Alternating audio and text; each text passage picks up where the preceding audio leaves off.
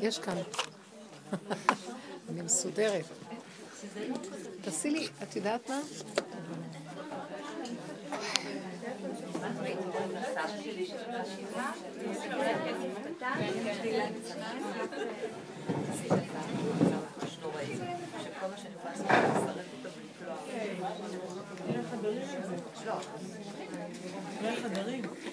שיהיה איזה חלון פתוח, אין אוויר כל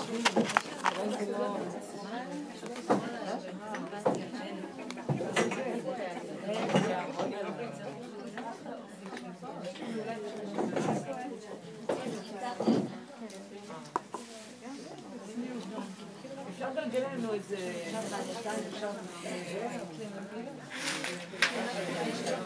לא את כל הקערה, רק לגלגל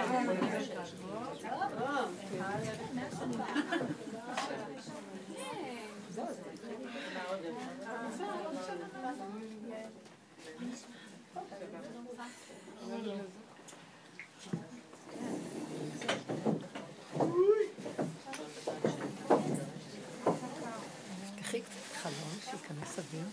אה, יש שם מהצד השני.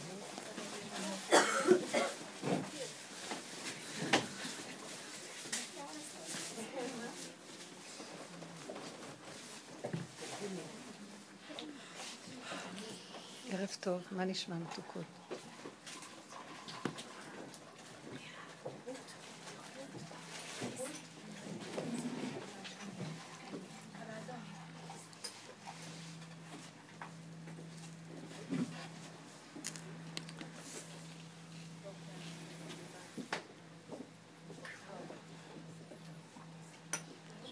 מה התכלית של כל המציאות והקיום של האדם? נו, מישהו יכול אה, לנחש?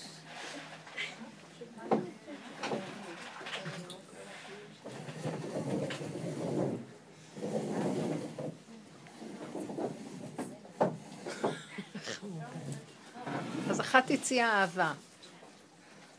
מה התכלית? מה התכלית של הכל?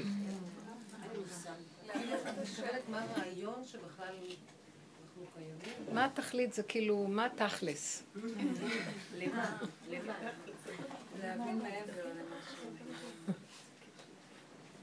רבותיי, מה השאלה? אני לא מבינה אתכם. להכיר באלוהות, באלוהי בכל. כן, זה... הכל והכל. תכלית זה להיות בשמחה. אה! מה שלא קורה להיות תכלית זה פורים. רבותיי, סוף מעגל השנה, מהו? פורים. למה? כי פורים זה החודש ה-12 בשנה, נכון? כן. ואחר כך מתחיל עוד פעם עניין השנה מחדש. חודש ניסן הוא אב לכל החודשים, אביב מלשון אב לי"ב חודשים, והוא ראש החודשים לכל חודשי השנה. זאת אומרת שהוא התחלה מחדש, וחודש אדר הוא חודש ה-12, ואז נגמר המערכת, ועוד פעם. אז מה התכלית של מעגל השנה והסוף? מה התחליף של כל בריאת העולמות? שבסוף יהיה צחוק אחד גדול. אז תגידו, למה אני צריכה לחכות לסוף? מה, שזה לא ברור? למה אנחנו כל כך רציניים וכל כך אנחנו קודרים? ולמה אנחנו כל כך אחראיים מדי וחשובים? כי מרוב חשיבות, תראו, חשיבות ורצינות זה שק מאוד גדול. תשמעו, העגלה נוסעת, תורידו את השק. יש מי ששוחק כבר את השק. התכלית של כל המציאות זה להגיע למקום הזה. תכלית הידיעה שלא נדע. התכלית שאין עוד מלבדו. התכלית שאנחנו נחזור ליסוד הראשוני, ההתקללות ביחידו של עולם. השם אחד הוא שמו אחד. מה זה שמו? שמו זה כל דבר שיש לו שם. זה שמו. לכן אנחנו קוראים לשם השם השם. השם יתברך, נכון? כי זה השם של הדבר. השם של הדבר זה מהות הדבר. יש לו שם, סימן שהוא קיים. אם הוא קיים, אז יש מה שמקיים אותו. מה שמקיים אותו זה האלוקות שבו. אז השם אחד, זאת אומרת, מה שקיים, הטבע וכל הדבר שיש לו שם, כי אם אני לא בטבע, לא צריך שם. אם אדם חי לבד במדבר, הוא צריך שם? אין מי שיקרא לו. אבל כל עוד הוא חי בעולם, ויש עולם, ויש שני, שלישי, רביעי, חמישי, אז הוא צריך שם כדי לתקשר. תביא את הכוס, תיקח את השולחן. אז זה נקרא השם. השם אחד לעתיד לבוא, ושמו אחד, ייחוד קודשא בריחו ושכינתה. זאת אומרת, השכינה מסמלת את המציאות של המעשיות וכל השמות שיש בעולם, והשם ההוויה מהווה כל דבר, זה כרגע כאילו נפרד. אני אומרת, זה כוס, אבל השם בשמיים. לעתיד לבוא הכוס והשם זה דבר אחד. אני אראה את זה בחוש. אני אראה שהכל זה אחדות הבורא. פתחו לנו החושים כמו במתן תורה, ונראה את הכל באחדות. ואז נצחק, צחוק אחד גדול, ונראה שהכל בסדר גמור. וכל עוד אנחנו לא רואים, אז יש הפרדה בין המציאות של הטבע לבין המציאות של דבר המהווה את הטבע. ואז יש לי חרדה ופחד ביניהם. אז זאת אומרת, התכלית של הכל זה החיבור והאחדות, שהכל בעצם מתאחד עם מציאות השם, וזה הצחוק הכי גדול. וזה לעניין של יצחק אבינו לשון עתיד יצחק, לעתיד נצחק, ותשחק ליום אחרון, באשת חי, נכון? כי הפתחה וחומת תורת שנה, כן, ותשחק ליום אחרון. מה זה ליום אחרון? למצב האחרון הזה של ייחוד קודשא בריחו שכינתה, לא נשאר רק דבר אחד לצחוק. ולמה אני מתחילה את השיעור ככה? כי רבותיי, כל רגע שאני שוכחת את הדבר הזה, החיים שלי אינם חיים. הדבר הכי קטן שאני עושה, ישר בא השד הזה ומכה אותי. למה אמרת ככה ולמה עשית ככה? אולי את רוצה לשאול איזה שאלה? אני רואה שיש לך איזה שאלה. אני רואה ממש על הפנים שאלה. במצח. מה את רוצה להגיד? יש לי שאלה.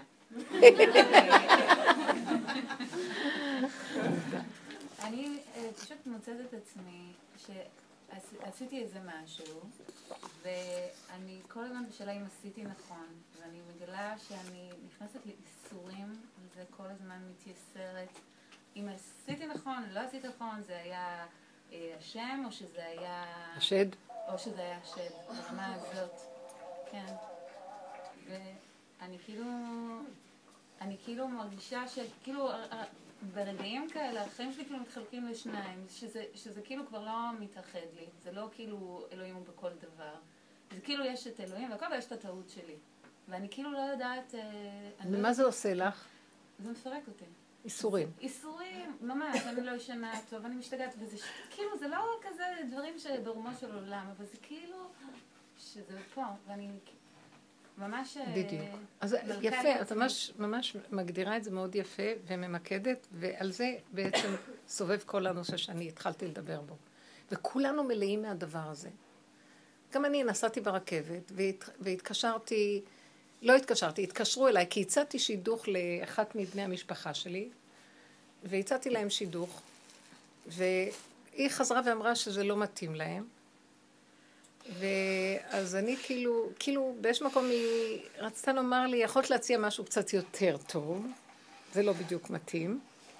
ואז באיזשהו מקום עניתי לה איזו תשובה שהיה נראה שיש לי עליה קצת איזו עליונות.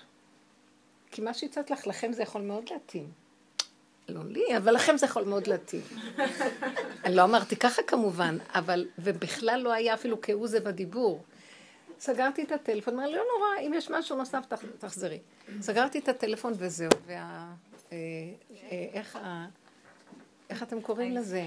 הגננה, הג'ננה, סליחה. הג'ננה התחילה לעבוד.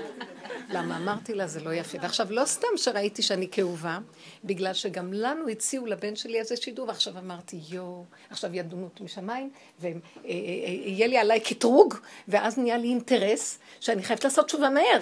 בגלל שאני כבר אמרתי לך, ואני מוצאת את עצמי, תראו, בנות, אתם רואים המון שנים בדרך, המון זה, אבל אם לא היה לי עכשיו על מה לעבוד, אז למה לי בכלל חיים? רק העניין הוא שמה ההבדל ביני לבין אחרים שבדרך, בוא נגיד, כל אחד צריך לשאול את עצמו, שבמקום שזה ייקח לי ימים ולילות ואני אמות מזה, אני כמה שיותר מהר צריכה לחזור למקום. ואז פתאום אמרתי לעצמי, תראי איך את נראית. אז למה אמרת ככה? היית צריכה להגיד ככה, ובכלל, את רואה, את בסכנה איומה. רגע, משחררים לך את הלשון, לא עניתי לטלפונים. כי מה שאת, זה שד הטלפון הזה, כן? מה שאת לא, את בסכנה. כי את, כמה מילים מיותרות החריבו לי את כל המציאות. אז למה בכלל עניתי? ואז התחלתי לרדת לעצמי. אז אני מאוד מסוכנת, ובכלל, למה שאני אציע למישהו משהו? בכלל כל העולם הזה מלא גאווה. ולמה אני, וכל אחד חושב שיותר מהשני, ואז אמרתי, וגם את, כמובן, כן? וכאן כל ה... אז אמרתי לעצמי, פתאום תפסתי שאני נכנסת, ל... אני לא סתם ממחישה לכם, אני נכנסת עכשיו לכאבים, שמישהו זורק כדור שלג וההוא זורק כדור אה, קרח, אה, אה, אש, וזה שלג וכדור, ואני מתחתם, ופתאום אמרתי, יאללה, תלכו שניכם לעזאזל, אני רוצה לחיות. פתאום תפסתי ואמרתי לעצמי, אני משוגעת לחלוטין, זה בדיוק השד שמשגע את כל האנושות. אז אמרתי, כי אני לא יכולה להגיד, כי אני דפוקה לגמרי. כי אני גאוותנית, כן, אני לא יכולה להציע למישהו אחר מה שלי. לי אני אציע את הכי טוב, לשני אני אציע 80 אחוז. התחלתי להסכים לכל דבר שהוא הצביע עליי. את כזאת, את כזאת, את כזאת, ככה זה לא יפה לעשות לאחרים, למה את עושה ככה? ועכשיו את צריכה להתנצל.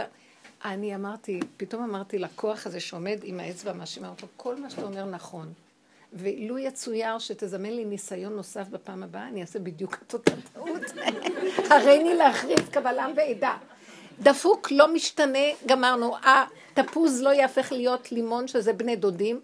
מקסימום הלימון יהיה לימונדה. אני לא יכולה להשתנות, גמרנו. אז תבין, רד מעליי.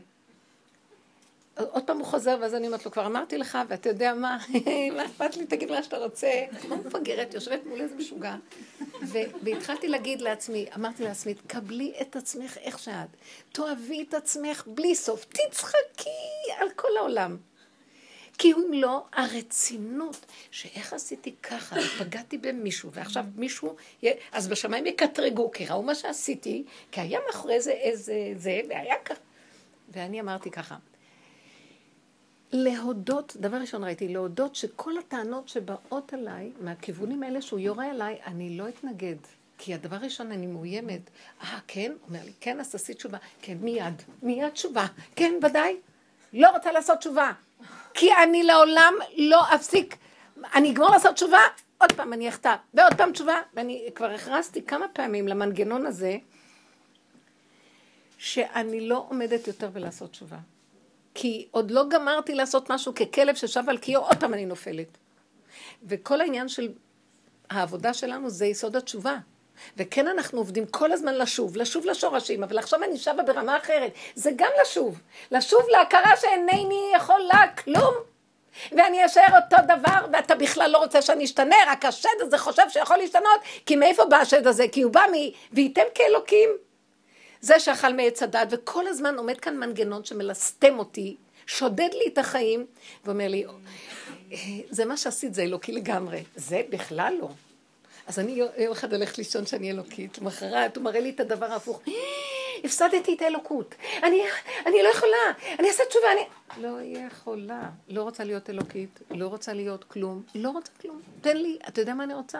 הרגע הזה, הנשימה הזאת להיות בשמחה, לאכול טוב, לישון טוב, ליהנות מהרגע הזה, שלום, לא רוצה יותר כלום. אין גם יותר כלום מזה. אין כלום מזה. יש כאן מנגנון משוגע של עבר, עתיד, עולם, מדרגות, השגות, שאיפות, להגיע, ואין כלום, זה באמת לא נכון. כי מה שאני לא שואפת, כבר שאפו אחרים. איך אמר קהלת? ולמה ישאף אדם, מה שהמלך כבר שאף ולא הגיע, אז למה אתה תשאף בכלל? כי יש משהו שיבוא אחרי המלך לעשות משהו? כבר מה שהיה הוא שיהיה. אין חדש תחת השמש. למה את שואפת? אחרים יותר גדולים ממך.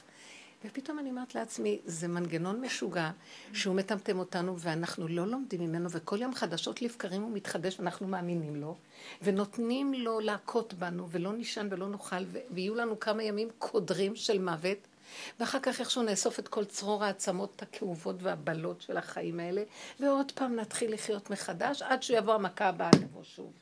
ואולי הביא את המכה הבאה לפני שהמכשפה שמחיה את הנזל וגרטל לא אה, תשמין אותו מחדש כדי לאכול אותו עוד פעם. וככה חוזר חלילה המנגנון. ישבתי ברכבת ואמרתי לעצמי, אני, לא נשאר לי שום דבר, ריבונו של עולם. תכניס אותי למערות האף, כבר זה נהיה מערות, כי כבר לנשום פה זה גם מסובך וקשה, כי השודד עומד בכל הכיוונים, רק נראה לי שאם אני אכנס פנימה, הוא לא יראה אותי יותר שם. תכניס אותי פנימה, בצל, ש... יושב בסתר עליון. תכניס אותי בסוכה הפנימית שלך ותסתיר אותי, כי אני לא יכולה לשאת את, מנגנ... את המנגנון ששולט פה בעולם. אני חוזרת ורואה אותו, אני מתבוננת בו המון, ולקח המון זמן עד שאנחנו חוזרים, ירדנו מהמקום הזה שזה ככה. קודם כל בעבודת המוסר, אנחנו קיבלנו תורה שאומרת לנו סור מרע ועשה טוב. ואנחנו ילדים טובים כבר 3,400 שנה, שאנחנו הכי חיוביים בעולם. היהדות היא המדרגה הכי חיובית. אנשים של ספר, של אהבה, לא רוצים להרוג, לא כלום, הורגים אותנו, הסכמנו הכל. אז המקום הזה של סור מרע ועשה טוב ולהזדהות עם הטוב, זה היסוד של כולנו. שם הוא ממשיך להכות אותנו. כמה שעות עברנו, כמה פוגרומים, כמה מעברים קשים היהודים עברו. וזה לא נגמר, רבותיי, אתם יודעים שזה לא נגמר? כל הזמן מצביעים עלינו, היהודים אשמים. כל הזמן מצביעים לנו, אתם, זה כל מה שקורה כל הזמן בעולם. ואנחנו מנסים להיות טובים, ואנחנו לא כמו כולם. פתאום אני רואה, לא. אני לא רוצה להיות יותר טובה, אני הולכת לשלילה. אני לא רוצה יותר להיות טובה, אני גם לא רוצה להיות רעה בעולם, אבל אני לא רוצה להיות בתודעה של הטוב. אני לא רוצה להיות בתודעה של הטוב, כי ככל שאני יותר, תקשיבו, בתודעה של הטוב, עץ הדעת מסדר לי מנגנון של ניסיונות שאני, לבדוק אותי אם אני בטוב. לא נגמרתי לעשות טוב, בא עוד אחד, עוד, עוד. ואני אומרת לעצמי, אני בסכנה, אין לי כוח כבר. מה שאני לא עושה, הוא מפיל אותי, ועכשיו אני לא טובה, ואני כאובה שאני לא טובה. פתאום אני אני לא רוצה להיות טובה יותר. אני לא רוצה להיות חיובית. אני לא רוצה לרצות. אני לא רוצה להיות מושלמת. אני לא רוצה להיות בטופ, אני לא רוצה להיות שפיץ, אני לא רוצה לשאוף, אני לא רוצה להגיע, אני לא רוצה כלום, אני לא רוצה. אני לא. כבר הרוצה לא קיימת, גם לא. אני גם נפל, נשאר רק הלא. ורציתי להגיד לכם משהו. כל פעם שאני עומדת בעצמי ואומרת לא, נכון, אני לא. אין לכם מושג איזה ישועות אני מקבלת. אני ראיתי שאת זה, הוא לא, את, את הדבר הזה אין לו אין לאותו שד מנגנון איך לעבוד איתו. אין לו, הוא, הוא לא יודע מה לענות לי. כי הוא מכין את כל הנגד, הוא מכין איך להתקיף אותי, ואני, הוא כבר יודע. בזה אני אומרת לו, נכון, אתה צודק, אני לא רוצה להיות טובה. אז מה עכשיו? כשאני מקבלת את עצמי איך שאני, אני גם לא אלך להיות רעה, כי היהודי לא יהיה רע. כי הוא לא היה, גמרנו, זה כבר דורות של עבודה על הטוב, רק אני כבר לא רוצה פה לעשות את הטוב. עזבו, בגוף אנחנו לא נעשה רע. כי יש לנו משהו מעודן יותר מכולם, כי עברנו הרבה, ואנחנו לא נלך לעשות. וגם אם אני רוצה, אני ממש מרגישה שמשהו עוצר אותנו, אבל לפחות, אני מדברת על רמת התודעה, מספיק לרצות להיות טובים.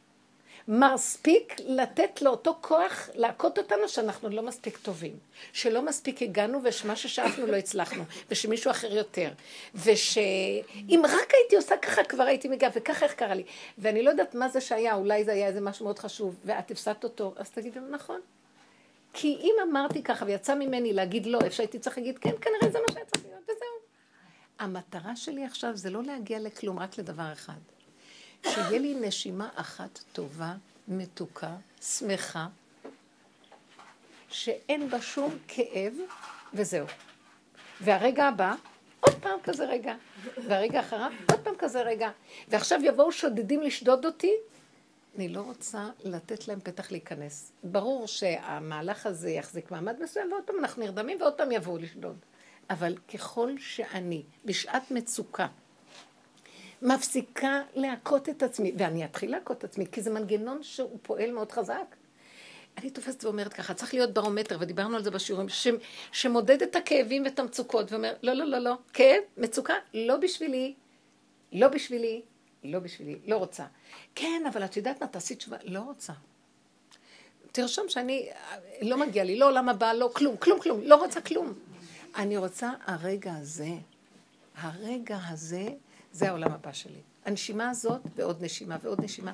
הבן אדם מתחיל להבין מה שהקרימינל הזה, מורד, מורדכי, מורדוך, הרב מורדכי אמר, שקודם כל אני. מה זאת אומרת קודם כל אני? זה לא אנוכי. קודם כל הנקודה של השפיות העצמית והרגיעות, והפרופורציה הנכונה שאנחנו כאן לא יותר מתא אחד ורגע אחד. תראי כמה שכפלו אותנו ומצפים מאיתנו כל מיני הזיות ודמיונות שאנחנו, אף אחד לא יכול כלום. ואני רוצה להגיד לכם דבר אחד. ברגע שאני חוזרת לאותו מקום ונהיה לי רגיעות, יש מי שמנהיג את העולם ומסובב את הסיבות, והוא יסובב סיבה חדשה, ומה שצריך להיות הוא שיהיה. ואם לא, אז ככה זה צריך להיות. אני לא יכולה יותר לסבול את המנגנון הביקורתי שממית אותנו. הוא ממש רעל, ואנשים מקבלים חרדות ופחדים וכאבים מאוד גדולים מהדבר הזה. זה שאת מספרת שאת לא יכולת לישון כמה ימים, שהיה לך כאבים, שהיה לך מצוקות, שאת... לא, אני נהייתי חולה מזה, ברמה הזאת. ואני רוצה לחדד את זה, קצת ככה כשאני חושבת על זה. מה שקרה זה שהייתה איזו סיטואציה שאני פעלתי, כמו שמעולם לא פעלתי, שזה לא מאפיין שום דפוס שלי, שזה לא הגיוני שאני אעשה את זה, שזה כאילו, באמת, כאילו, אני אומרת לעצמי מטומטמת, מה, מה עבר עלייך באותו רגע? מישהו כפה עלייך אני משהו. ממש ככה. הרגשתי שכאילו זה לא יצא, מהפה- זה, זה יצא מהפה שלי ואני לא יודעת איך זה קרה, וזה גם קרה נורא נורא מהר. ובהתחלה הלכתי עם זה בטוב. אמרתי, ככה, ממש, כי אני... זה כאילו- סימן של האמת. באותו רגע שזה קורה ואנחנו מסכימים, סימן שגם שלחו תינוק וכיכרו בידו.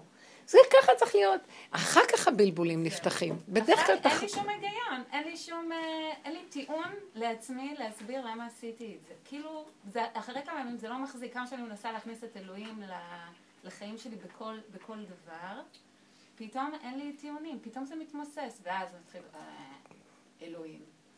כאילו, מתחיל, מתחיל לי קולות של, בסדר, אלוהים אלוהים, אבל גם, סליחה, זה גם פרנסה, זה גם זה, זה גם זה, איזה, באיזה, איזה חוסר אחריות מה שעשית עכשיו. ושם אני מתחילה להיות חולה. ועכשיו זה מה שאת עושה. את מפרידה בין אלוקים לבין מה שעשית. וזה השם אחד ושמו אחד. בואו נחזיר את זה. אם עשיתי ככה, זהו. השם אחד ושמו אחד. אם, בייחוד שאחרי זה היה לך רגיעות שקיבלת. כן. ולאחרונה אני רואה שהוא מוציא את הפגם החוצה, מה שנקרא. יוצאים דברים, מה שהרבה הייתי יותר מאפקת, ואז ה- ה- כנראה הוא מנסה אותנו עכשיו בנקודה הזאת, אם אנחנו נסכים, נצחק ונחזור כאילו כלום לא קרה. ואם אנחנו נשברים, אין לך גאווה יותר גדולה מזאת. לי זה קרה? זאת אומרת, אותו כוח שודד של ויתם כאלוקים, הוא מצפה ואומר, יכולת להשיג המדרגה הכי גבוהה, תראי מה קרה לך עכשיו, זה כבר התרחק ממך. אף פעם הוא לא נתן לי מדרגות. אף פעם אותו כוח, תמיד הוא מבטיח לי הכל, והוא רמאי כמו תרנגול שמבטיח לתרנגולת, אתם יודעים מה? ולא נותן לה כלום. אתם יודעים שהוא אומר לה ככה, תרנ... כתוב בחז"ל. תרנגול אומר לה תרנגולת, תתרצי לי. אתם יודעים, הוא מתחיל איתה. אז היא אומרת לו, אז קודם תקנה לי שמלה.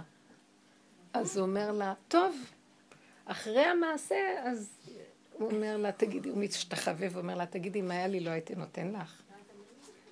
אז את מבינה, מבטיח, איזה חז"ל מתארים את זה, כאילו איך התרנגול.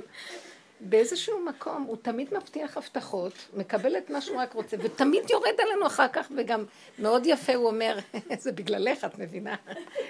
פה עוד התרנגול יותר הגון ממנו, עוד אומר, אין לי.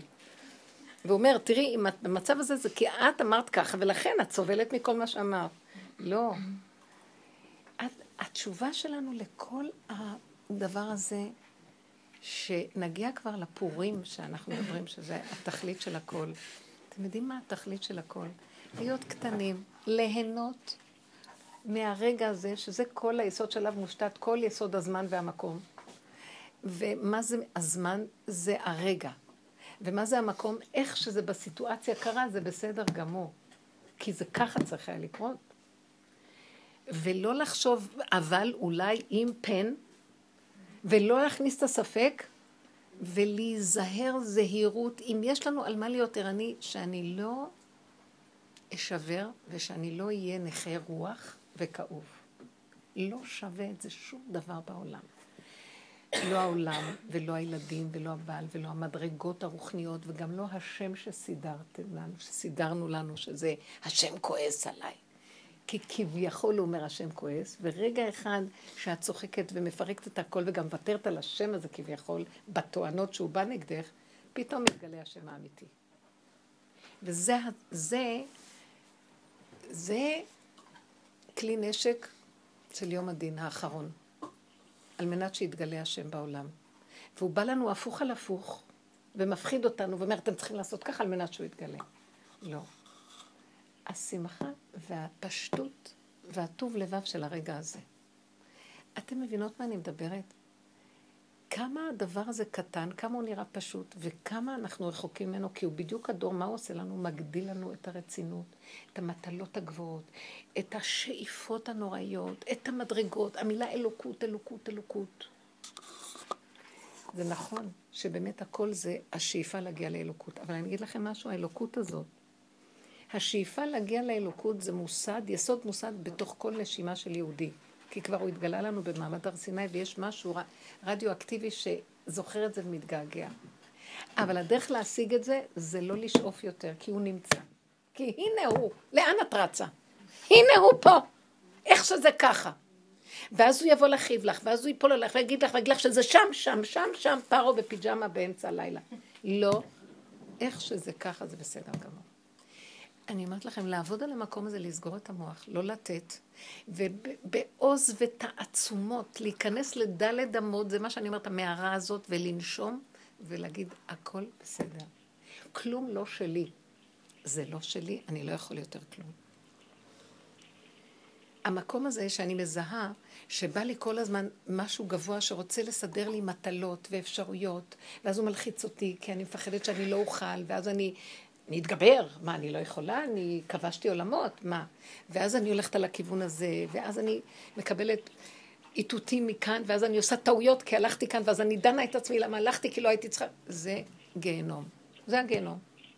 אם אנחנו מבינים מה זה הגיהנום בדור האחרון, זה לא, היום זה לא הרעב, ולא הצמא, ולא חומר שחסר לאדם, כי יש שפע מזה בכל... זה הבעיות המחשבות ובעיות הנפש. לאחרונה אני מקבלת גלים גלים, כאילו יורים חיצים של מחשבות באוויר, והדבר כנגד הדבר.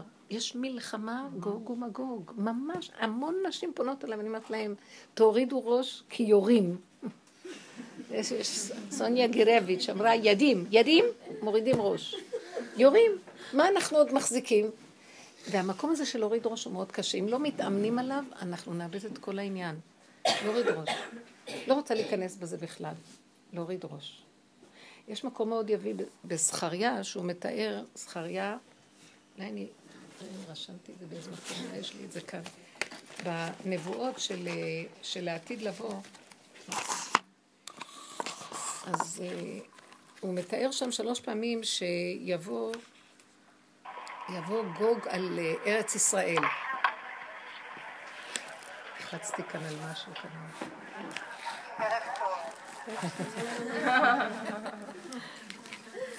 זה השד, זה לא אני. יבוא גוג, ויש אנשי, הוא אומר ככה, יש אנשי ירושלים שיושבים בירושלים, פעמיים הוא יבוא לערי יהודה, הוא קורא להם אנשים שיושבים בשאר הערים, ערי יהודה. למה הוא אומר יהודה וירושלים? כי בסך הכל בגלות הזאת יש שני שבטים. מאז עשרת השבטים והגלות שלהם נשארו שני שבטים, היו 12 שבטים, יהודה ובנימין. וכל הגלות האחרון של היהודים הם נחשבים לשני השבטים יהודה ובנימין. ברור שיש גם לוויים, כי עובדה שיש גם לוויים, אבל גם לא כל כך סומכים על הלוויה היום ועל הכהונה. מעטים שכהנים ולוויים שאפשר לסמוך עליהם, כי אומרים שהיו תקופות שקנו את הלוויה, קנו את הכהונה, כי זה היה מעמד יותר חשוב, לא יודעת מה. אבל שני השבטים, לכן הוא אומר, יש אנשי ירושלים ויש אנשי ערי יהודה. כי יש עשרת שבטים שכביכול חסרים. אז הוא אומר, אנשי יהודה, בזמן שיבוא גוג, הוא יעלה קודם, זאת אומרת, קודם כל הפריפוריות יהיו בפחדים נוראים. ככה הוא מתאר את זה. כי הם כנראה ימלאו, ימלאו את ה... אני לא רוצה להיכנס בזה אפילו, אבל משהו מתאר שיהיה מצב של חרדה ופחדים, וכי יהיו כאן המונים, ומה זה גוג ומגוג יעלו לפעם? כאן יהיה שני כוחות שיילחמו אחד נגד השני. מואב וישמעאל, אה, לא מואב, אדום וישמעאל. עכשיו, שתי התפיסות האלה של שני דברים הפוכים, אני ממש מרגישה במוח יש דבר והיפוכו, דבר והיפוכו, דבר והיפוכו. מחשבות, אה, טענות, מלחמה במוח, מלחמת הגיגים. עכשיו, אומר המלבים שאנשי יהודה יהיו בחרדות ופחדים, והם יסתכלו על אנשי ירושלים, ויגידו, אמצא לי אנשי ירושלים, אני אקרא אולי את הפסוק, ואמרו אלופי יהודה היושבים בשאר ערי הארץ, יאמרו בליבם, אמצא לי יושבי ירושלים, בהשם צבקות אלוקיהם. מה זאת אומרת? הוא רוצה לומר, אנשי יהודה יגידו, אנשי ירושלים, אנחנו רוצים לאמץ את השיטה שלהם. מה השיטה שלהם? הם נראים מרוכזים, מצומצמים, בתוך חוזק לב, מלאים ביטחון ועוצמות פנימיים ודבוק, ודבוקים בהשם אלוקיהם. אני מאמץ את הדרך שלהם. מה הוא רוצה לומר? אנשי ירושלים בעצם הם מסמלים, עיר מלוכה זה ירושלים. הם מסמלים את השיטה של בית דוד, של המלך, של המלכות, שזה חוזק הלב, שזה עבודת המידות. שמה המלך, מה תפקידו של המלך? היו בעצם שני כוחות ב, בעולם היהודי, שני כוחות, היהודי זה בעצם, המילה יהודי זה שייך לגלות, אבל בעם ישראל עוד לפני יציאה לגלות, היו שני כוחות מאוד חשובים, שני בני היצהר, הנביא קורא להם, שאח, שאחד זה הכהן ואחד זה המלך. אלה שתי המשרות הרמות בישראל, שהיו נמשכים בשמן המשחה, כן? את הכהן הגדול היו שומחים, מושכים בשמן המשחה, ואת מלכי בית דוד היו מושכים בשמן המשחה. מסמל הכהן את אלה שיש להם, כאילו הכהן, אם אה, כתוב שהכהן אה, ילמד דעת ותבונה מפיו. הכהן הוא המלמד את התורה בישראל. הכהנים, שבט לוי, הם מלמדים את התורה בישראל, נכון? הם אלה שיודעים את התורה ומלמדים, אז הם תמיד מסמלים את... ואילו המלך, מה עסוק המלך? הוא לא הצד של הדעת והשכל. מלך, כמו שאמר שלמה המלך, שמסמל את המלכות, ונתת לעבדך לב שומע לשפוט את העם. זאת אומרת, מה תפקידו של המלך? להתעסק בלב וליישר את המידות ולעשות משפט בין אדם לחברו של יושר, צדקה, חסד וכן הלאה, שקשור במידות של בין אדם לחברו. זאת אומרת, ירושלים שהיא עיר מלוכה, מסמלת את הלב, מסמלת את העניין של המידות וישרות המידות, והמשפט שמסמל את נקודת האמת שבין הימין לשמאל, כאילו יסוד המשפט זה בין התובע והנתבע, הקטגור והסנגור וכן הלאה, נקודת האמת. אומרים אנשי יהודה, אנחנו רוצים לאמץ את הדרך שלהם. מהי הדרך שלהם? זו הדרך שאנחנו עובדים בה. מה הדרך שאנחנו עובדים בה? לא, אנחנו כנראה, הם אומרים אנשי יהודה, אנחנו, יש לנו הרבה דעת, ואנחנו מלמדים, אנחנו יודעים הרבה, אבל ליבנו חלש, ואנחנו מבוהלים כל דבר שבא, מבהיל אותנו, כל דבר שבא, אנחנו נבהלים, ואנחנו חושבים, ומפקידים בבוח, ומתחילים להגיד, אולי ככה לא, לא, ככה כן, ככה סברות, מלחמות, מלחמתה של תורה וכן הלאה. ואנחנו רואים את אנשי ירושלים, הם חיים ברמה אחרת. אין אצלם שום קושייה, אין אצלם שום מקום של סברה או מקום של ספק. הם יודעים, הם מרוכזים, מצומצמים, נוגעים בנקודה ושלום. מי ייגע בהם בכלל? אמצא לי אנשי ירושלים, הם אומרים. אנחנו רוצים לאמץ את הכיוון שלהם. כי אלה נראים כמו, כמו שהנביא אומר, כמו כיור שכולו מלא אש, וככברה שמנערים אותה, וכל הזמן מתנדנדים. ואלה נראים מרוכזים, מצומצמים, מאוחדים בתוך הנקודה שלהם, הם לא חווים את הפחד הזה. מאוד יפה להתבונן במקום הזה, אני פשוט, אה, לא בדיוק מדבר על זה ככה, אבל אם אני לוקחת מהנבואות ומחזירה את הכל לנקודה, שתי הכוחות האלה בעם ישראל, זה בדיוק מה שקורה איתנו. האנשים המלומדים, היודעים הזה, יש בהם משהו חולשה. השכלה וידע וזה. יסוד אנשי ירושלים זה הדרך של בית דוד, זה הדרך של מה שאנחנו עובדים פה, זה דרך לחזור. לפרק, להתבונן. לא סתם אנחנו מחפשים את הפגם ומפרקים אותו, ונכנסים בו. זה, זה כאב נורא גדול, כי זה מראה לי את החלישות שלי, הפגם. זה מראה לי, תראי איך את נראית, תראי מה... אבל אני לא מחפשת לעשות את זה כדי לסבול, אני מחפשת, כי יש כאן איזה פגם, שאם אני אכסה אותו ונחפש להיות חיובית ויכולה ומוצלחת, אני לא אראה את השורש פורה ראש ולענה, את הכוח הזה שאחר כך הוא יצא כמו מורסה ופצע מכיוון אחר, והוא יכה בי מכה ניצחת. לא. פותחים, פותחים, פותחים. נוגעים. זה הכי כואב. כזאת אני, כזאת אני. כי ככה אני. כי זה המציאות שלי, כי אני לא יכולה אחרת. מלכות, בית דוד עובדים, זה מה שאמר דוד הודה. יהודה הודה. אמר דוד, חטאתי להשם. נכון. ברגע שהודה לא היה בן חורין יותר גדול ממנו בעולם. איך אנחנו עושים בטבע? לא, מה פתאום, זה רק בטעות. יכולתי לעשות ככה, למה לא עשיתי ככה? אולי אני מחר אני אעשה ככה. והשויטה הזה לא יודע שמחר הוא יעשה את אותה שטות עוד פעם. כי למה עכשיו הוא עשה ומחר לא? לא, אולי יהיה לי יותר מודעות. אני אגיד לכם את האמת, כשבא ניסיון, מה זה ניסיון? לוקחים לאדם את המודעות, הבהירות, את הבחירה, כלום. זה נקרא ניסיון. כל מה שהוא לא ילמד וידע, כשבא ניסיון, לכן הוא נקרא ניסיון. אין בו בהירות, אין בו אפשרות, אחרת היה ניסיון. בניסיון אף אחד לא עומד. מה מטרתו? באים אנשי יהודה ואומרים, אוי חבל, יכולנו לעשות ככה, שמתם לב לספקולציות והמחשבות כאילו יכלו, אז למה לא עשית? לא, מי מחר? באים אנשי ירושלים ואומרים, שויטה, בוא, בוא ניגע בנקודת האמת. אני תקוע, אם יביאו לי את אותו ניסיון, מיליון פעם אני אעשה את אותו דבר. אני לא יכול אחרת, רק השם יכול לעזור לי. ואז אני אומר לו, אבא, אני תקוע, אם אתה לא תעזור לי, אין לי יכולת לצאת מהסבך הזה. השם קם ואומר, ניצחוני בניי, זה מה שרציתי לשמוע. מה שהאדם הראשון לא יכול היה להגיד כאשר הוא חטא, בא האדם הזה ואומר, וזו התשובה הכי גדולה שיכולה להיות. זה לא לתשובה, יש כמה מדרגות תשובה. עשיתי רע, אני אעשה טוב, סור מרע ועשה טוב. אז עכשיו אני אעשה טוב, זה תשובה דרבנו יונה. שיהיה לי חרטה וידוי דברים, שאני אקבל על עצמי, כשאני אגיע למקום שפה הניסיון, באותה אישה, באותו מקום, אני אעשה תשובה. באה התשובה של דוד המלך, שהיא תשובה על תשובה. לא יכול. מה שאני לא אעשה, אני אחזור על אותו דבר. כי אני כבר אכלתי מעץ הדת, ואני נפול, ואני תקוע, ואני עוד פעם אעשה, ואני לא יכול. השם אומר, או, זה מה שהאדם הראשון היה צריך להגיד מיד, כאשר שאלתי אותו, מן העץ אשר ציוויתיך לבלתי יכול אכלת, הוא היה צריך להגיד, נכון. אכלתי כי אני נתקעתי. אבל הוא כבר אכל מעץ הדת, הוא לא יכול היה להגיד את זה, למה? כי עץ הדת, זיוויתם כאלוקים. סליחה, זה רק במקרה, הוא כבר קיבל איזה מין תחושה שהוא משהו, הוא ישות ומציאות מצד עצמו, ואיך הוא יכול להגיד שהוא חטא? זה רק במקרה, כי הוא בעצם אלוקי, וייתם כאלוקים, התפיסה הזאת נשאבה בו, ועכשיו אנחנו תקועים בכל היום להצטדק, מקסימום להאשים את השני.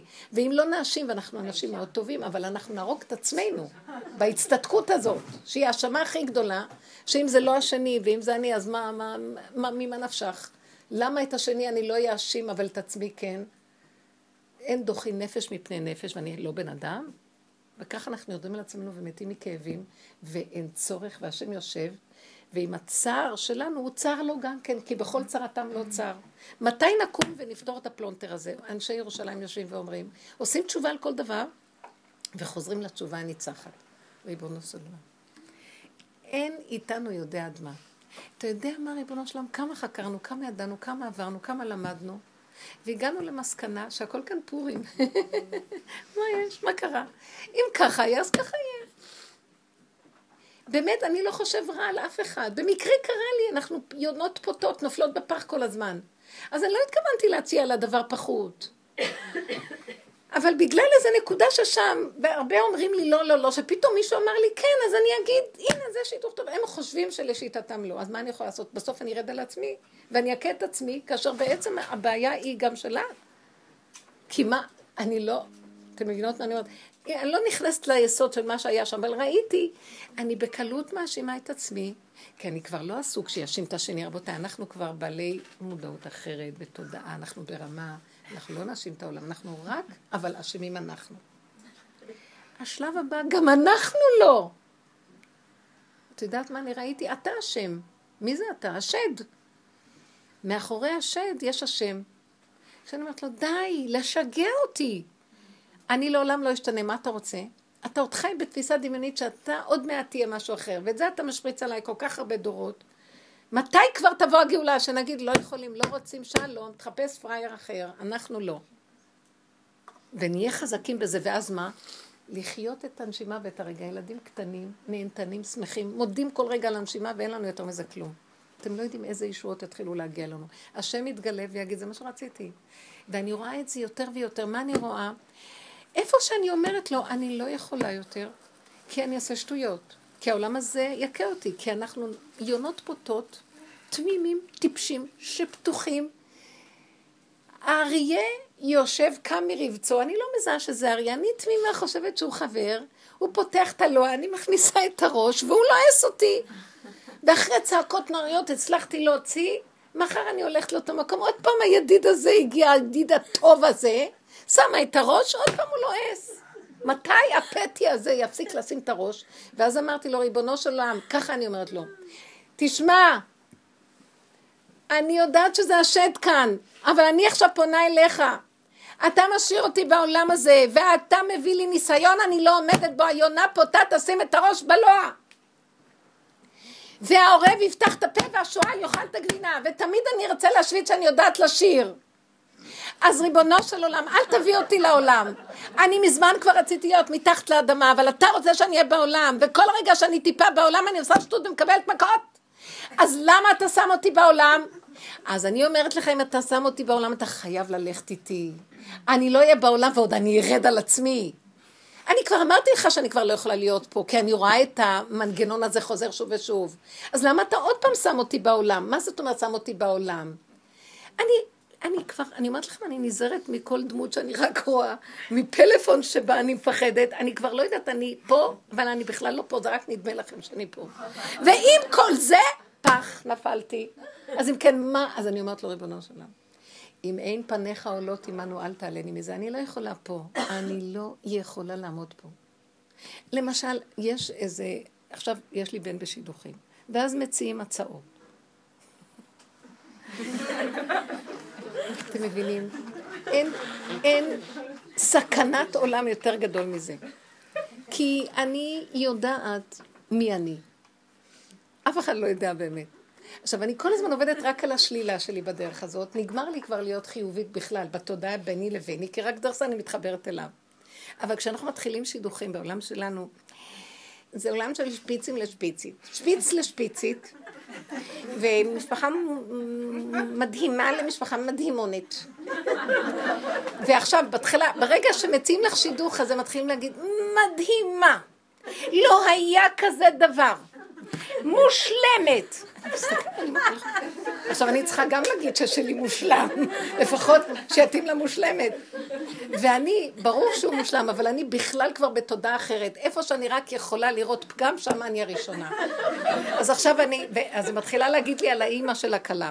ואז עכשיו, זאת שמציעה את השידוך, אני צריכה להגיד עכשיו על האימא של החתן, מה אני אגיד לה? שאני הולכת במחנה יהודה ורוצה לגנוב חמש תפוזים, ולוקחת שלוש חסה בלי לשלם אגורה, ואיפה שאני רק הולכת, אני אומרת, אם אני יכולה אה, לשדוד, לקחת, לגנוב, ועל זה אני צועקת, אבא תרחם עליי, כי כזה דבר לא יכול להיות בעולם, ואז הוא מכריח את עצמו להתגלות עליי, כי אני באמת בסכנה, וככה אני חיה איתו כל הזמן. ואף אחד לא יודע מי אני, ועכשיו אני צריכה לשחק אותה, וככה אני כל החיים חיה, והדואליות הזאת הרגה אותי כבר. יום אחד אני, אני צועקת לו, אני לא יכולה להיות משהו אחר. אני באמת לא אצא לעשות כזה דבר, הלוא זאת העבודה שלנו. אבל אני יודעת מי אני כדי שאני אבוא לפניו בשפלות גמורה ואגיד לו, אני לא יכולה להיות, כי אתה יודע שאני מסוכנת בעולם, רק אתה... זה הדרך היחידה למשוך אותו, כי כשאדם חושב שהוא כן, אז השם אומר לו, בבקשה, תלך, לך בכוחך זה. ואז הניסיונות מצפים, וכשאני אומרת לו, אני לא יכולה כלום, אז אני ארגע הכל, ואני מרגישה יותר השגחה. עכשיו, שהיא באה לשאול אותי, ואני כבר 90 אחוז במקום הזה, מאיפה אני אבוא להגיד לה מי אני? ואז אימה וחרדה נופלת עליי, שאני לא אגיד לה שאני גנבת. אתם מבינים? כי הרעלה צריך להתחתן. וואי, איך תקעו אותי בדבר הזה.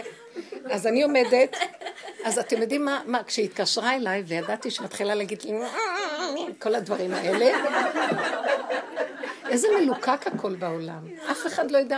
אני רוצה להגיד לכם, אנחנו חולי נפש. אין אדם יותר חופשי מזה שהוא אומר, שמע, הלכתי בדוכן ואמרתי, למה שאני אשלם את התפוזים האלה? אפשר ל... כי הם נופלים על הרצפה, מה יש עם אני ברור שאני אקח ואני אשלם. אבל אני תופסת את, את המחשבה ואני אומרת לו, אבא, זה המחשבה שאתה נתת לי. אל תנסה אותי, אתה חייב להתגלות כי אני מסוכנת. ואני רואה אותו מתגלה. ואם אני לא גנבתי, זה הוא. ראיתם איך התגלה אליי? אתם לא מבינים איך ככה מתגלה השם. אדם לא מוכן להודות במי שהוא. הוא מתייפייף, והשם אומר לו, אה, כן, אתה כבר מושלם לעצמך. אם כן, אין לי מה לעשות פה, עולה בשמיים ומשאיר אותו לבד.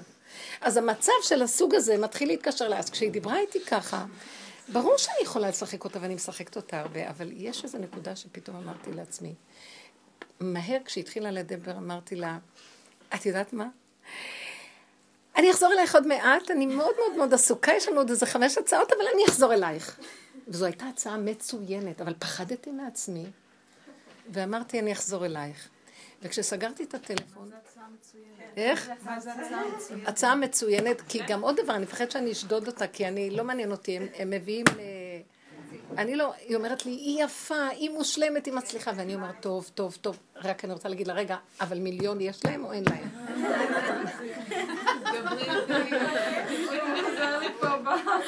אתם לא מבינים, אני תכלס ואין לי סבלנות לכלום, כי זה לא הם נותנים לי את המיליון, זה השם. אני מדברת עם לא, אבל שיסדרו מה שצריך. תעזבי, יפה, כולן יפות, מתוקה, כולן, מקסימה, נהדרת, בעלת חסד, כולם, ראיתי איזה בעלות חסד, הכל, נהדר, משהו יוצא מן... אז מאחר ואני רואה שאין הבדל בין אף אחד, לפחות שיביאו כסף, נכון או לא? אני צודקת או לא? בקיצור, אני צוחקת כמובן, אבל יש איזו נקודה שבתוך כל זה... בקיצור, סגרתי את הטלפון ואז צעקתי אליו ואמרתי לו, תשמע, אני לא כשירה לבוא בעולם. אני לא כשירה לבוא בקהל הדת ישורון. תעזור לי וזהו. אני, והוא נתן לי מחשבה. את יודעת מה? תזוזי, תמצאי מישהי שיודעת להנהיג את העולם בסדר הזה, והיא תהיה השליחה שלך. וראיתי שלאורך כל הדרך, בכל דבר, הוא מוצא לי נקודה שאומר לי, תזוזי מהדרך. תחריבי לעצמך, כי את כבר בשלב שאת לא יכולה להיות בעולם. אני לא רוצה להיות מול העולם. אני אמצא לך מי שיכול, והם יסדרו ויזיזו מעצמם. עוד לא גמרתי, פניתי לאיזה מישהי שיש לה את השיעור בבני ברק, היא מדהימה, כמה שיש את השיעור הזה, שם לא זז כלום. היא עוד בעולם, חמודה, חשובה, הכל. אמרתי לה, תשמעי, את מנהלת את העניין הזה. ודאי, הרבנית, ודאי, אני מכירה אתכם, מכירה את הבנים, מכירה את הכל, ודאי, ודאי, ודאי, ודאי.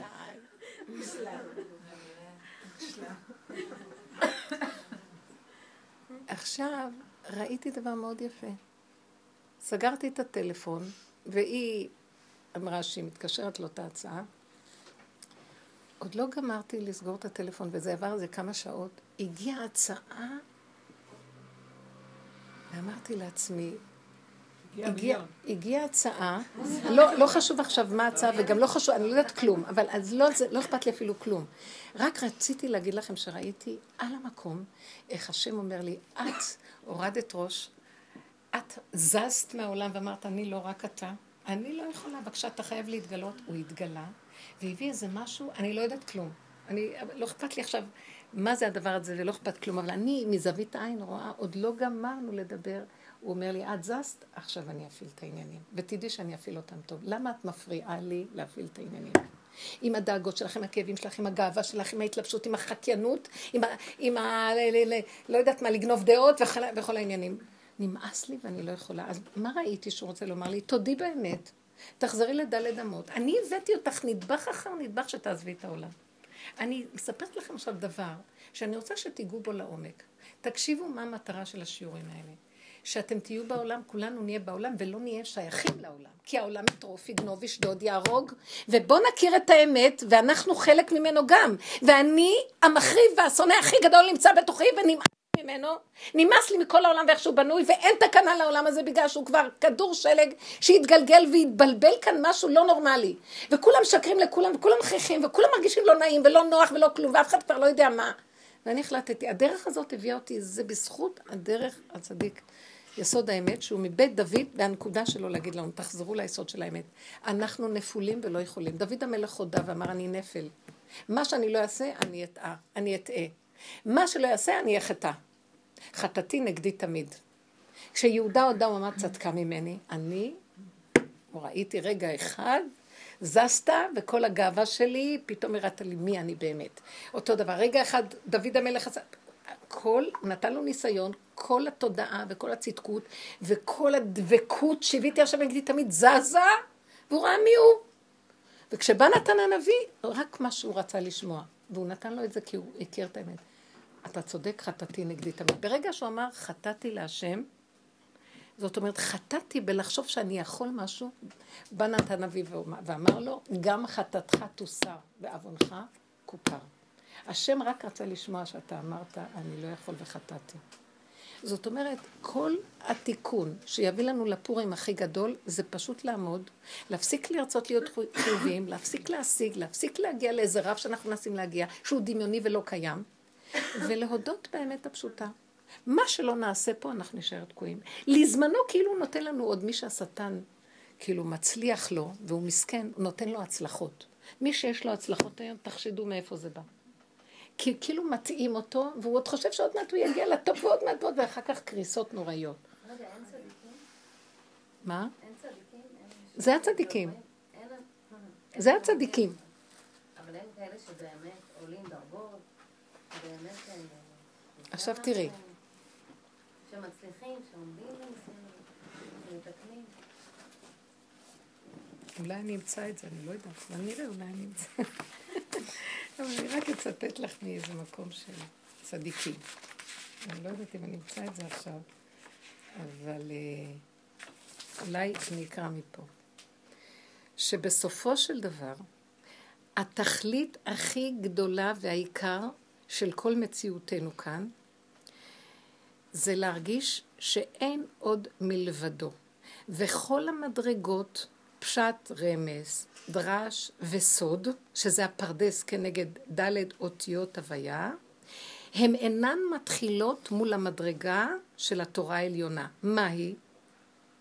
שהוא השגת התורה בלא לבושים. מה הם? שהתורה תהיה ערומה לפני השם. אין לה הבנה, אין לה ידיעה, אין לה השגה, אין לה מדרגה, אין לה כלום. וזו המדרגה הכי גבוהה של התורה העליונה לפני שהיא ירדה לתורת משה. שהייתה משעשעת אותו, מה שלבשה לו בבוקר, לא לבשה לו בערב, ויהי אצלו שעשועים יום יום. זאת אומרת שהאדם, זה התורה זה האדם, הוא רוצה להגיד, שהאדם צריך להגיע למדרגה של ילד קטן, לא מתבייש מכלום, מודה איך שהוא, משחק לפניו, מה זאת אומרת עירומה? שאין חוט אחד של מבדיל של דמיון, שאני ככה וככה וככה וככה אין אני כזה ואין כלום, ואני לא מתחיל ואין לי כלום, על מה אני אשען ואין לי שום דבר. זה הכל הדמיונות של עץ הדת.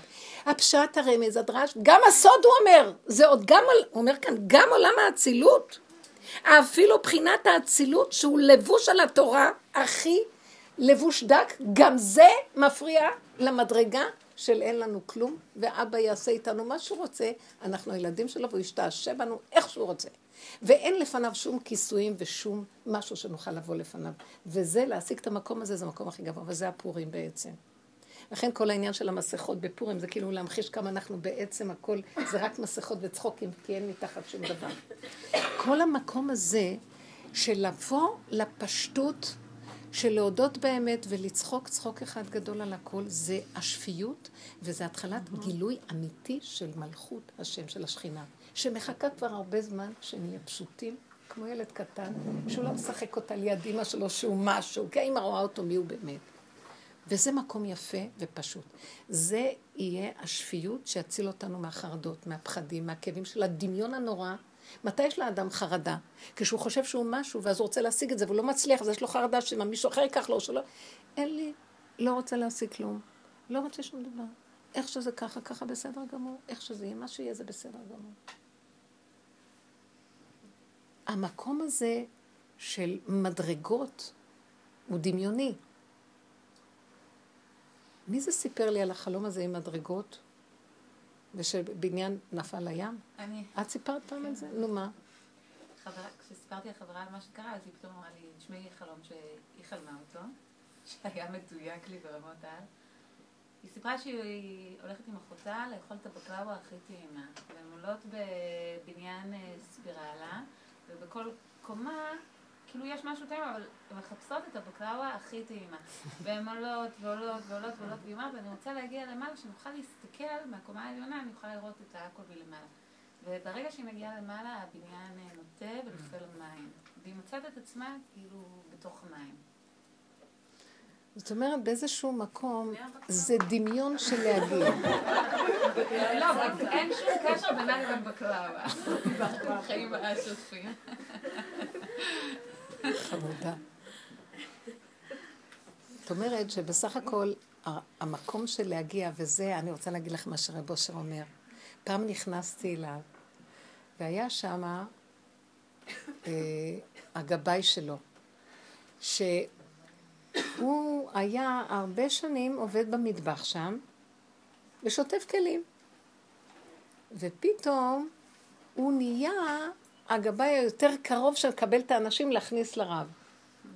הסתכלתי עליו ואמרתי לו, שמע, ליברמן, עלית במדרגה.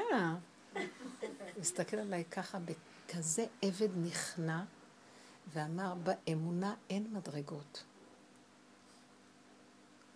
כל כך נהניתי מהתשובה הזאת. זה הכל דמיונות של עץ הדעת. מה זה האמונה? הנשימה הזאת, הרגע, ככה. לא רוצה להגיע לכלום, גם לא שייך לי כלום. וגם אם אני אגיע, זה לא שלי. לרגע הוא נותן, גם לרגע הוא יכול לקחת. ואין לי בעלות על שום דבר. וזה רק נשימה אחת ועוד פעם. אז ממה אני אשבר, ולאן אני אשאף להגיע? אני הייתי שם, שטפתי כלים במילים אחרות, היה לי טוב.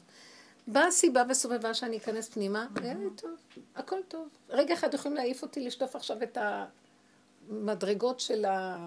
לא יודעת מה. וזה הכל בסדר.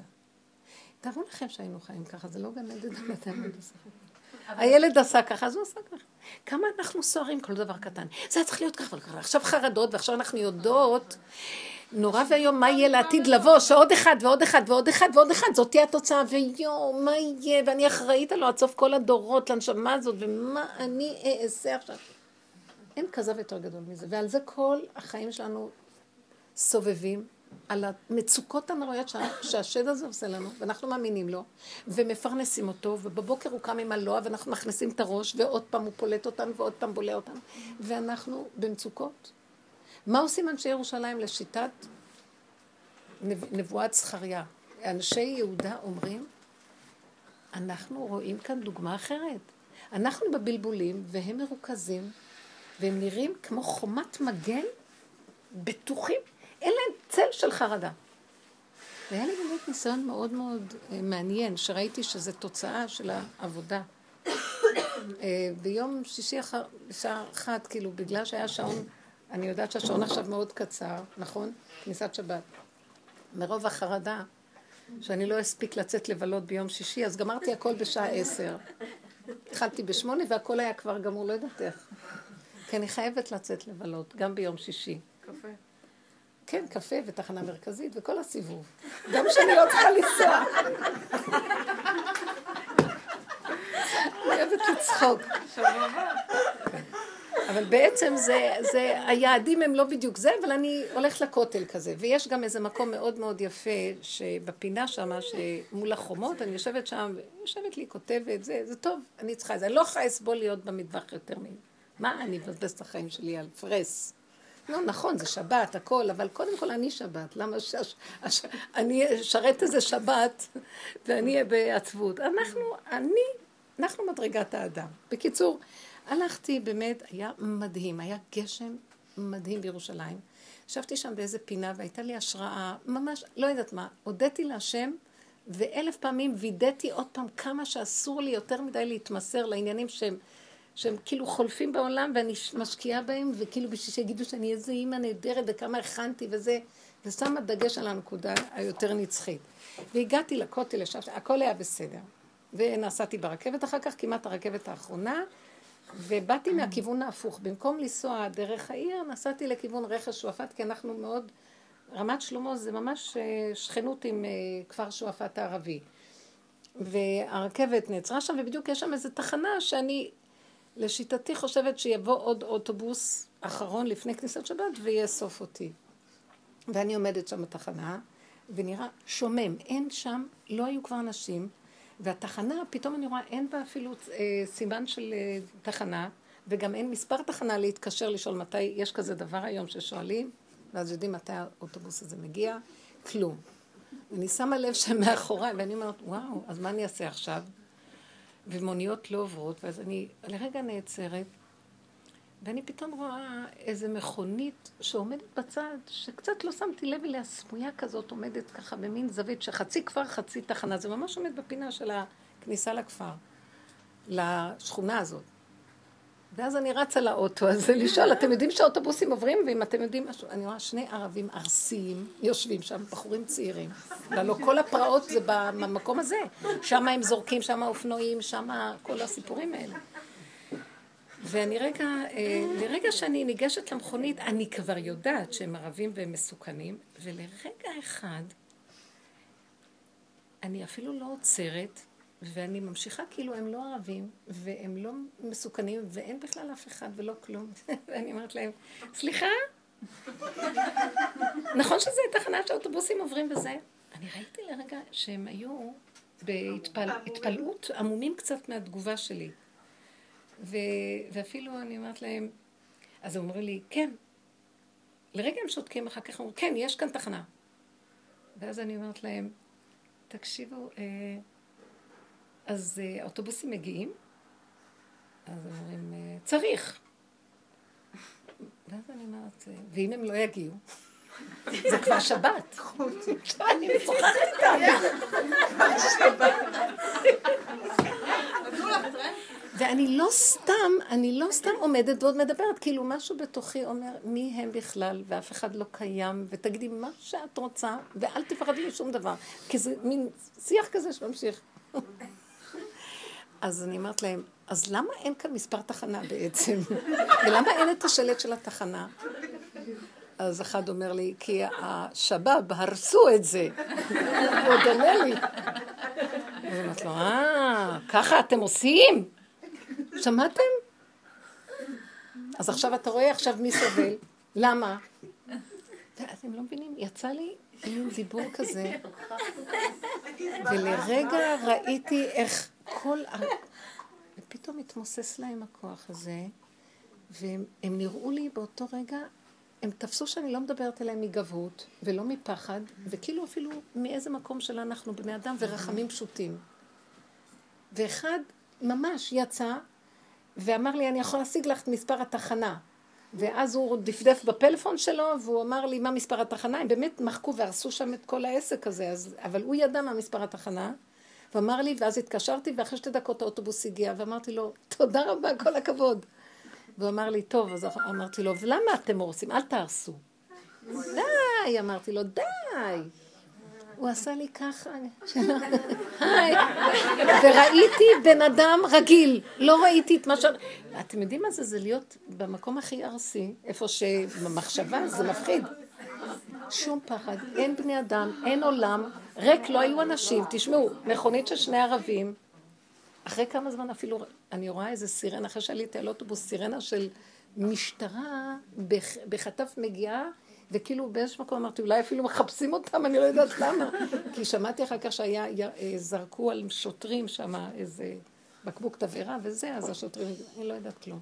בקיצור, הייתי ואמרתי, זה הכל דמיון פה, העולם הזה, אבל אמרתי לו, זה לא אני. אם אתה לא היית נותן לי את הנקודה של הריכוזיות, ואתה נכנס בה, בטח שהייתי מפחד מפחד. מה?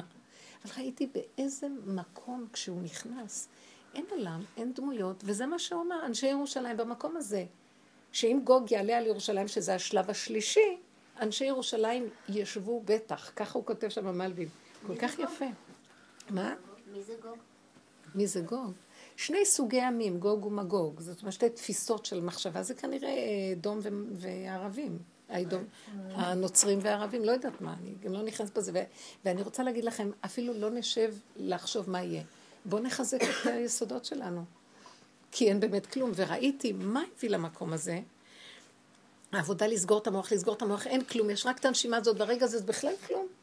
כי הדמיון, איך הוא מפחיד. ואיך הוא מדמה, ואיך הוא מגדיל, ואיך הוא מדליק את הלב, ואיך ואיך ואיך, ואין כלום. וזה מה שראיתי בסופו של דבר, הפשטות, להיות פשוט, מופשט. אין מחשבות, אין כלום, אין תחמונים, כי כשיש הרבה מוח, יש חרדות. כי המוח הוא הכי גנב, הוא גונב, ואז יש לו דפיקות לב, כי רודפים אחריו, כי הוא גונב. אז עכשיו כל דבר יכול לתפוס אותו. וכל הזמן, המוח כל הזמן מפחיד. כל הזמן יש דפיקות לב על כל דבר, כי המוח הוא גנב, כי הוא גונב את המקום של השם, כי הוא יכול. ולכן הפשטות התמימות, איך שהיא, אבל ככל שאנחנו מסתכלים על כל הכאבים שלנו ומזהים שזה בא מהמוח הזה, לא רוצה אותו, אני לא נכנסת בו, אז מה יהיה, לא יהיה, כן יהיה, אז אולי ככה, לא ככה, זה נבלה, זה טרפה, לא רוצה. סגור ומסוגר. רגע אנחנו שמים אחורה והולכים על העבר, אשת לוט, ישר נחרבה. רגע אני הולכת לאיזה מקום קדימה, ישר אני משתגעת מהחרדה, מה יהיה בעתיד. אין לנו מושג והשגה בדבר הזה, וזה להתקטן. והמדרגה של ההתקטנות זה עד המקום הסופי. מהו המקום הסופי? אני לא יכול כלום. ואמרתי להשם, את השידוכים אתה תנהל, שלח, מיש... שלח ביד תשלח, אני לא. וראיתי איך הוא בא ועשה, לא חשוב עכשיו, לא חשוב מה יהיה, לא יהיה, לא, אפילו לא חשוב לי, תאמינו, אני, אני מפחדת מאוד לא להתעלק על שום דבר, כי אז עוד פעם המנגנון נתחיל. אבל רק ראיתי באיזה שנייה הוא נתן לי כאילו להגיד, הנה, את זזה, הנה אני מגיע. ולא ישאלו אותך, ואת לא תצטרכי לענות, ולא יהיה כלום, ויביאו הכל חתום, מסודר, סגור, לכו תתחתנו כבר מחר ונגמר העסק. אין לי סבלנות לכל המנהגים האלה כבר. זה כאילו משהו שרצה להגיד לי, אני שם ואת, ואת לא תצטרכי להיכנס בזה בכלל. זה דבר שכל כך הודיתי לו, ואמרתי לו, אבא, אבל אתה יודע, ראיתי שאתה נכנסת ככה, אמרתי לו, תודה ריבונו שלום, אבל אתה יודע מה? אני כל כך מקולקלת, המוח הזה משגע אותי, כל רגע הוא יוצא. כל רגע הוא יוצא, ובאותו רגע הוא ישר שוכח את הסכנה שלו, כי המוח הוא... ואני מפחדת שאני עוד פעם אפול, אין לי יכולת להיות פה. זאת אומרת, זה כל הזמן רק לבקש. אני לא יכולה, לא רוצה תתגלה אתה, לא יכולה, לא רוצה תתגלה אתה, ולהישאר במקום של השלילה. למה את לא יכולה? כי אני תקועה. לא, אוי, למה זה קרה לי? כי הייתי כן יכולה להיות יכולה. לא. אתם יודעים איזה עבודה זאת להפוך את הצורה של התפיסה, שאנחנו חיים בתודעה של חיוביות ומתים מכאבים, למה לא הוכחנו לעצמנו שאנחנו באמת יכולים לעמוד בדבר הזה? תגידו לי, אתם מבינים? האימהות כאובות, למה הם לא חינכו כמו שצריך את הילדים, ולמה... ואימא הולכת לישון עם כאבים שהיא לא נתנה להם היום מה שצריך, כי הייתה יכולה כן לתת, ואבא לא זה... אז אה, התקשרה אליי אתמול מישהי, והיא הייתה כאובה נורא. מה הכאב שלה? שהיא חזרה, הילד שלה חזר מתלמוד תורה עם פתק, שהוא ברח ושהה שעה שלמה בשירותים.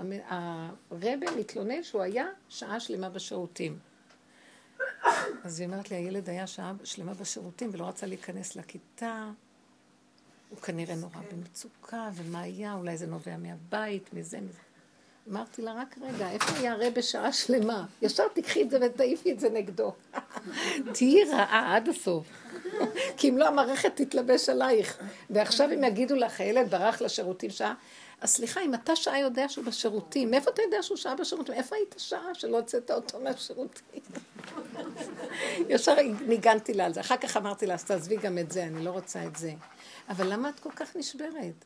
הילד פשוט לא יכול לסבול את הרבה, אז הוא ברח לשירותים. אין מקום יותר טוב מהשירותים, אמרתי לה. זה הפינה הכי פרטית שיש לאדם, ואף אחד לא יכול לנגוע בו שם. אז קחי את הילד ושבי, תצחקי ותגידי לו, גם שאני, נמאס לי מכולכם, אני בורחת לשירותים. אז למה את שבורה? ואת מקרינה לילד ש... שיש לו בעיה, כי הוא ברח לשירותים, והוא בטח בדיכאון, תעשי מזה צחוקים. אמרת לי, החיית אותי, דיברתי איתה איזה כמה דקות, רק על העניין הזה, די, מה את לוקחת את זה? איזה משבר נפשי זה לילד, יאללה. תרבות מלוקקת, מטומטמת. מה את רוצה מהילד שלא יברח לשירותים? מסכן, סגרו עליו בכל החזיתות. והרבע עוד בא לשלוח לפתק, הוא היה בשירותים שעה. קודם כל תחזירי אותו למקומו, ואיפה אתה היית בשעה הזאת? אם אתה לא יודע שילד נעלם לך שעה ואתה לא יודע, אז זה משהו לא בסדר. טוב, זה רק, אמרתי לה, זה תגידי רק אם יתקיפו אותך, תדעי לך מה לענות. אבל אם לא יתקיפו אותך, מסכן, תעזבי אותו גם תקוע. והילד למה? מה? אם כל אחד היה רק מודה באמת, היינו חיים הכי טוב. אני אומרת, אחר כך התקשרה, אמרת שישבה עם הילד והם התגלגלו מצחוק, והוא התגלגל ונהנה, ופתרה לו את כל הפחדים שיש לנו, ניקח אותו לטיפול, ניקח אותו לזה, זה, שיעשו לו שחזור ומחזור. אני לא יודעת מה. יאללה, בואו נצחק פה, אתם לא מבינים שזה תרבות שבונה, שבונה על בונה, שבונה, שבונה, שבונה, לא מצאו כבר את המייעץ כדי לפתור את הבעיה החדשה הבאה. אז, יש עכשיו לימודים אקדמיים חדשים למדרגה הבאה. ועד שהם יגמרו ללמוד לקבל את התעודות, כבר יהיו עוד עשרים מדרגות שצריכים כבר להמציא דבר חדש, שלא למדו אותו. וככה אנחנו חיים, באיזה מין... בסוף כל הבניין הזה ייפול למים. כי אין בקלבה! רבותיי, די כבר, באמת. איזה טיפשים אנחנו.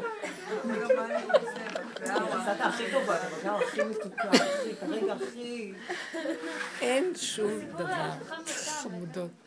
באמת, הכל כל כך פשוט, וזה מה שנקרא פורים. פתאום נצחק, ותשחק ליום אחרון. פתאום נצחק למצב האחרון הזה, איזה עולם מצחיק, איפה אנחנו, ואיפה האמת הפשוטה?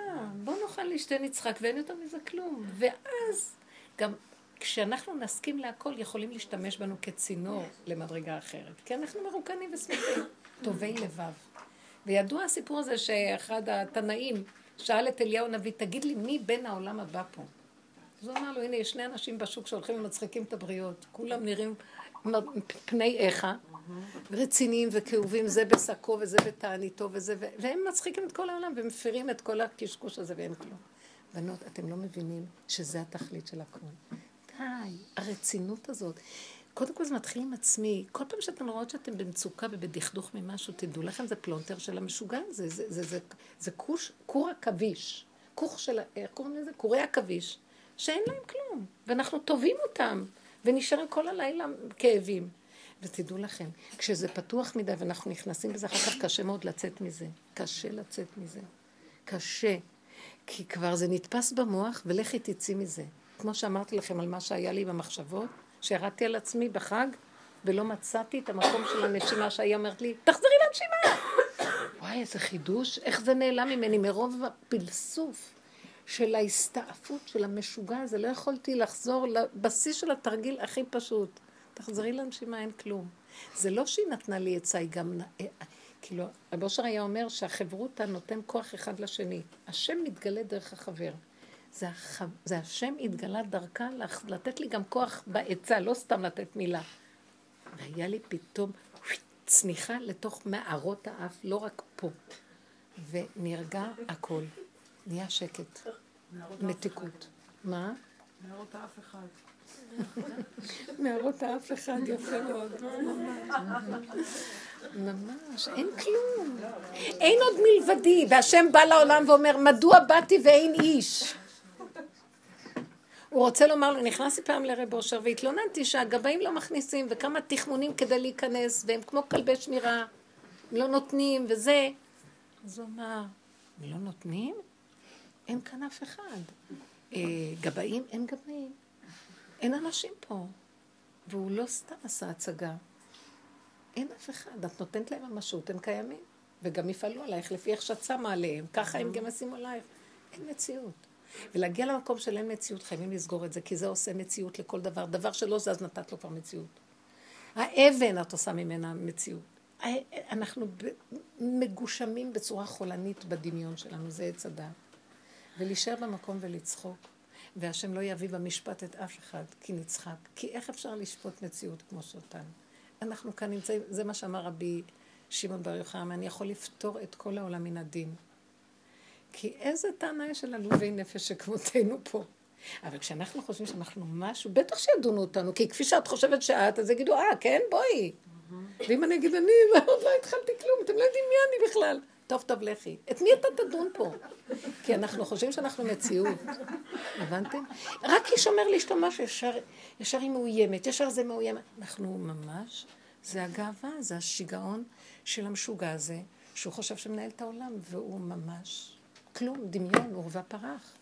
וכל העבודה הזאת להכיר את זה, אני מתגעגעת למקום הזה של התורה העירומה. מה זה? זה כאילו, זה, זה מדרגת נפש. זה לא מול העולם, כי העולם הזה, אי אפשר לעמוד מולו, זה רק השם יכול לנתח אותו, אבל אני יכולה לפחות לכנס את החלקיקים שלי ולהישאר במקום היותר מרוכז, מדרגה של דקות אחר דקות, יסוד העין. ומהעין הזה יש התחברות לאני השם.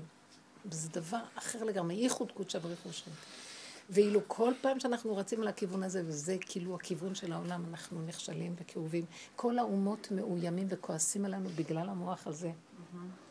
אנחנו לא יודעים לעמוד בצד ולהגיד, אף אחד לא מציאות פה, אין כאן בכלל מציאות. אני ראיתי את הערבים האלה, זה פשוט, אני רוצה להגיד לכם, לא כעסתי עליהם ולא שנאתי אותם.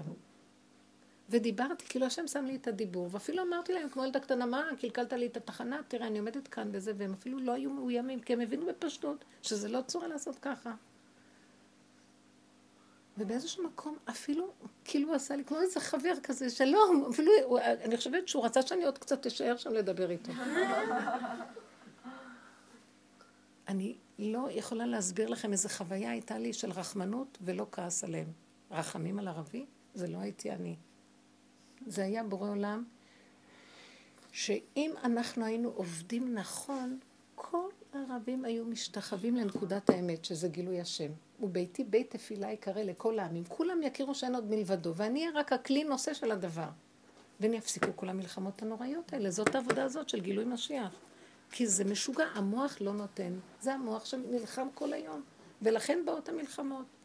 זה קשה מאוד הדבר הזה. ואני לא אלך לסדר את העולם, אבל לפחות את עצמי, בדרגה הדקה הזאת, הלוואי והלוואי. אני, אין לי כוח יותר למלחמות. אין לי כוח לזה נגד זה, זה מלחמות הן בפנים. אין לי כוח, זה, מה שאת מתארת זה פשוט חולי נפש. והיום תזהרו, יורד עכשיו כוח של ממש גוג ומגוג מגיע.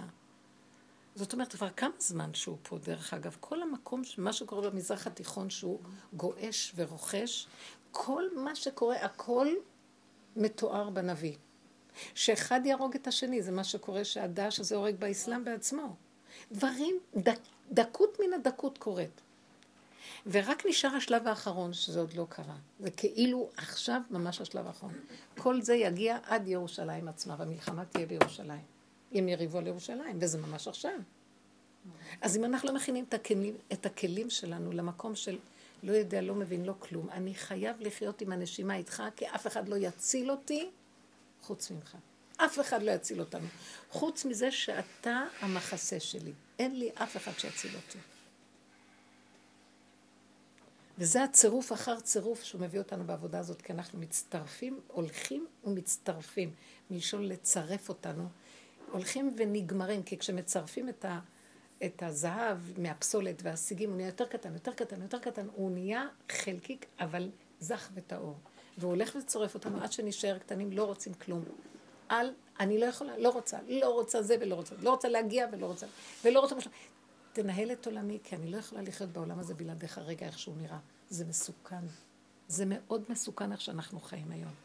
זה בשלום בית, זה עם הילדים, זה בפרנסות, זה שיגעון, זה מועד לשיגעון. המערכת השתגעה. אנשים מאבדים את השפיות על העניין של הקיום. חרדה על הקיומיות יום-יום. לא קרה כלום, נאכל ונשתה ונחיה. לא יכול להיות שהשם יביא אותנו פה ולא ייתן לנו משהו לאכול. אבל אנחנו משוגעים ולא יכולים לסבול שלא יהיה לנו לפי שיטת הדמיון מה שהוא סבור שזה מה שיביא לו את הביטחון.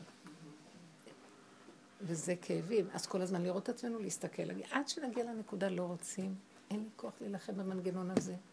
אני מראש מוותר עליו, תעצור את הגלגל, אני רוצה לרדת. אני רוצה להיות שייך לך, חלקך ונחלתך. מה זה החלקך ונחלתך? הנשימה. רוח אפינו משיח השם. הנשימה, שם יושב אה, הבסיס של יסוד משיח צדקנו, זה העכשוויות, ההשלמה, ההכנעה והקבלה. ולא להרים את הראש משם. רב אושר היה אומר, כל פעם שדוד המלך הרים ראש, וניסה קצת גם ראש הכוונה עץ הדעת טוב ורע, השם נתן לו מכה והוריד לו את הראש. עד שהוא הבין שראש באדמה זה טוב. זה לא כל כך באדמה, זה מתגלה שם שכינה. בסדר. עכשיו, מי שישמע אותי שלא מכיר את הדרך, תגידו, יחשבו שאני... מה, יחשבו שאני... בודהיסטית, מי שישמע אותך עכשיו. למה? אני חושבת, אני לא יודעת מה זה, אבל אני חושבת שיחשוב שאני בדיכאון, לא? שאני כאילו בדיכאון. לא? כן. שיחשבו שאני בדיכאון, או שאני איזה חולת נפש ואיזה דיכאון. וכל אלה שאומרים שהשני חולה נפש, הם החולים בעצמם. רק אלה שמודים שהם חולים נכון ואין פתרון אחר, רק להודות ולהגיד השם. השפיות הכי גדולה זה לחזור אליך, כי כל דבר שאנחנו נעשה כאן, אנחנו הולכים ומסתבכים בשיגעון, ואפילו לא יודעים שאנחנו מסתבכים, וחושבים שאנחנו נורא שפויים. יכולה לספר לך? כן. איך? למה לקום בבוקר? למה לקום בבוקר? באמת אני אומרת לך, אם לא בדרך הזאת, חבל לקום בבוקר. אם לא לדעת שאני קמה, אני לא קמה לעולם, אני קמה לבורא עולם, אז, אז אני לא רוצה לקום. הבנת מה אני אומרת? אני גם לא רוצה אותו בעל פה כמו הדוסיות בורא עולם כזה, אני רוצה יד ביד, נשימה בנשימה. כי אין לי מוצא אחר. מי שחי את האמת, הוא מכיר את ההכרה הזאת. וזה משה רבנו שלא רץ, הוא כל כך פחד מזה שהשם שולח אותו למצרים לגאול. כי הוא ידע שהוא מסוכן, הוא אמר לו, שלח נביאה, תשלח שבוע ימים, הוא מתחנן שיעזוב אותו וישלח מישהו אחר. כי הוא ידע שזה מאוד מסוכן העולם. כן. השבוע אה, הייתה לי איזושהי אה, התנסות, שאנחנו באיזשהו תהליך, את יודעת, של, אה, של. קניית דירה כן. ומעבר וכל זה, ויש לי הרבה, הרבה ניסיונות עם הדבר הזה. והשבוע, תחילת השבוע התחיל ככה בהתקפה רצינית, והיו לי הרבה מחשבות וכל מיני קצת לחצים ו- ומועקות, והכל נהיה עיסה אחת, טובה כזאת. ונכנסנו לדירה הזו שאנחנו רוצים לקנות, ופתאום הופיע שם בפתח אה, בן אדם שאנחנו מכירים, אבל לא מכירים אותו ככה. היה לו מבט שונה לגמרי בעיניים, הוא ביקש לדבר עם בעלי. היה לו, העיניים שלו היו פעורות. הוא ביקש לדבר עם בעלי, ובעלי לא הבין מה הוא ביקש, וחזר על השאלה, והבן אדם לא ענה. בעלי מסתכל עליו, והוא ממשיך להסתכל עליו, תוקע בו מבט כזה ככה מבוהל, עם הידיים ככה שלובות, והוא נראה ממש אה, שיצא לגמרי מהקווים. הוא נראה שהשתגע לגמרי. בעלי אחר כך הלך, דיבר איתו, ו... ופתאום הוא היה מתחיל בפרץ של דיבור, פתאום הוא היה שותק ונעמד, ובעלי שואל אותו שאלות והוא לא עונה. ו... בקיצור, הבנו אחרי בירור שהוא חולה, יש לו מניה דיפרסיה, והוא על כדורים. והמבט שהוא היה לו כש... כשראיתי אותו, עשה לי ממש הרגשה נוראית, לא יכולתי להשתחרר מזה. אוקיי, אה, עזבנו את זה. הוא היה- אחרי- הוא היה בעל הבית? לא, לא, לא. סתם בן אדם שהופיע. כן, כן, סתם. מישהו שהופיע. פתאום הופיע לנו בדלת. הדלת הייתה פתוחה על דירה ריקה, אה, לראות את כן, הדירה, וזה. פתאום הוא נעמד לנו בדלת. אחרי זה עזבנו, על-. ממש אחרי, כאילו, בדיוק באנו לצאת מה- מהיישוב. יצאנו מהיישוב, אנחנו נוסעים בדרך לאיזשהו מקום, וזה היה ממש אחרי זה. פתאום אנחנו, נ- בעלי רואה רכב שעוצר באמצע הכביש. הרכב הזה שעוצר באמצע הכביש, אה, בעלי אה, עצר, כי בעלי עם סיפור ניידת מתח. משטרה. זה סיפור מתח. כן, זה באמת סיפור מתח, זה כי לא את לא שאלה, זה תאמיני, סיפור מתח, כן. את לא תאמיני, עומד שם בן אדם, מסתבר שיש עוד משוגע. כן, אנחנו, הוא עוצר לידו, בעלי שואל אותו, אתה צריך עזרה? הוא מסתכל עליו, הוא לא עונה. קרה משהו לאוטו? מסתכל עליו, הוא, לא, הוא מתקרב, הוא נשען כזה על החלון, ואני ליד החלון, כאילו, כולי התכווצתי, מתתי מפחד במקום. מסתכל עליו, הוא לא עונה, בעלי שואלת אותו, שואל אותו שאלות, מסתבר שהוא כן מבין משהו, הוא לא היה חירש, אבל הוא לא ענה, הוא היה נורא מוזר, נורא מפחיד.